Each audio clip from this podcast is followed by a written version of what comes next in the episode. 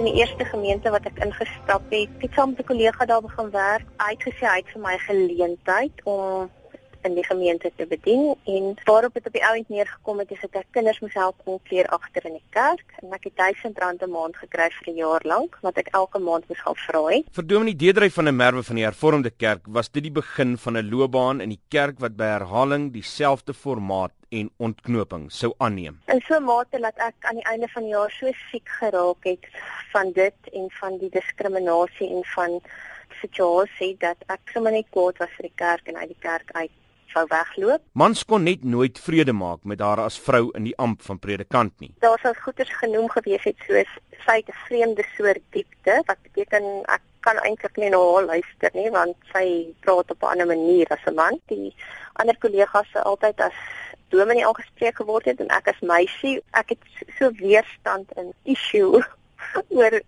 diskriminasie, laat die fynere details in en aanspreekvorme goed nie, is eintlik net teen die borstyd. Dit het bygedra tot spanning in haar huwelik en sy is uiteindelik geskei. Prentjie wat ek op my kop kan teken is dat ons maar net met 'n patriargale stelsel te doen het en dat vroue 'n ongelooflike battle teen dit het en as jy nie submissive is nie, as jy nie jou mond hou nie, as jy nie jou rol aanvaar om rol en vrou probeer speel nie, en dat as jy alternatief is en jy's anders en jy sterk, pas dit nie in die idee van hoe 'n vrou moet wees nie. Dan gaan jy 'n moeilike pad stap. Die genderspesialis Dr Nikki Spies sê dit kom reeds van vroeg af. En dan moet ons nou ook gaan kyk na die wat ek in my teses genoem het en ek praat hier van nie net die die Joodse geloof nie, maar al die uh, nabye gelowe daarom.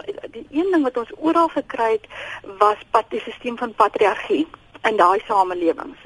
En in in die stelsel van patriargie wat uh, het vrouens was hulle dikwels beskou as besittings. En selfs vandag nog speel die Bybel 'n groot rol in man se beskouing van vroue, sê Deedrey. Ek dink wat ek wel al beleef het, is dat mense sê, "Maar lees jy nie jou Bybel nie? 'n Vrou mag nie 'n dominee wees nie."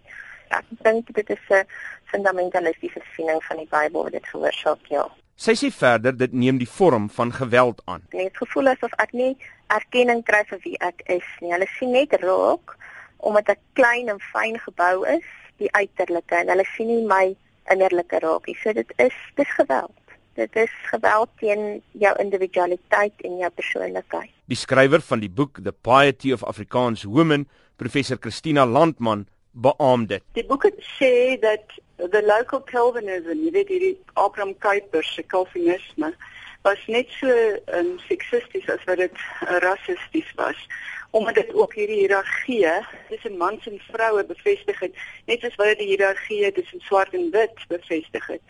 En ek dink die boek daai aan hoe die vroue dit ook verinnerlik het. En hy het eintlik ook dinge gesê soos dit vroue se sterkte lê in haar onderlyf terwyl 'n man sin sy bolyf lê. En en en daarbey is daar geweldige liggaamlike reëls eintlik neergelê vir wie sterker en wie swakker. Deedrey sê verskynsels soos Angus Bucken versterk man se gevoel van mag oor vroue. And then he picked up the mantle and he said, "Where is the God of Elijah?"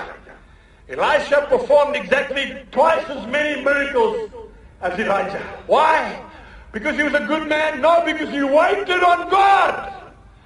South Africa is waiting to see what these men are going to do for this nation.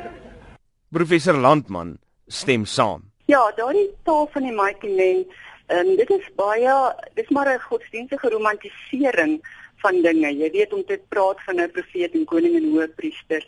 Ehm um, maar inderwaarheid versterk dit eintlik ehm um, die verskil tussen genderrolle en plaas dit uh, 'n sekere mate van mag van 'n man oor 'n vrou in die man se hande. Maar die president van die AGS, Dr Isak Burger, verskil ernstig hieroor. Ek glo nie daar's enige neutrale wetenskaplike navorsing wat dit kan bewys dat veral in terme van die Christelike gods dat dit geweld van mans teenoor vrouens aanvoer of aanmoedig nie. Ook die moderator van die NG Kerk, professor Nelis Niemand, sê geweld is nie deel van die hedendaagse kerk se boodskap nie. Ek dink dit dit baie baie anders is as kom ons sê 100 of 200 of 500 jaar terug. Tewens, jy weet, een van die kenmerke van gereformeerde kerk is hulle aktivisme om vroue jy weet byvoorbeeld volledig in die kerklike lewe betrokke te kry. Maar wêreldwyd word die verband tussen godsdiens en geweld teen vroue erken. Die voormalige president van Amerika, Jimmy Carter. We've uh, spent uh, a year or two trying to analyze the basic causes of uh,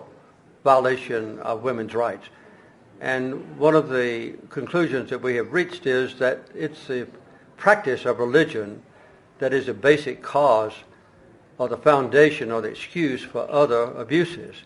Die Ou Testamentikus aan die Universiteit van Stellenbosch, professor Julie Klasens, sê dis 'n verskynsel wat nie regtig verdwyn nie. So selfs as ons sê in ons land, ons is nie meer godsdienstig soos wat dit was jare terug nie, is ons ook gevorm deur baie van die tradisies. Volgens Deedrey het dit te maak met die prentjies in ons koppe. Ek dink hulle kyk hier die bril van die Vader God, die God God as man. Hulle sien as hulle 'n vrou raak sien, hulle iemand wat nie daar moet wees nie, want God is manlik.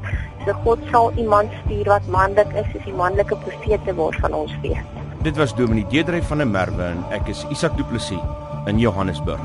Ons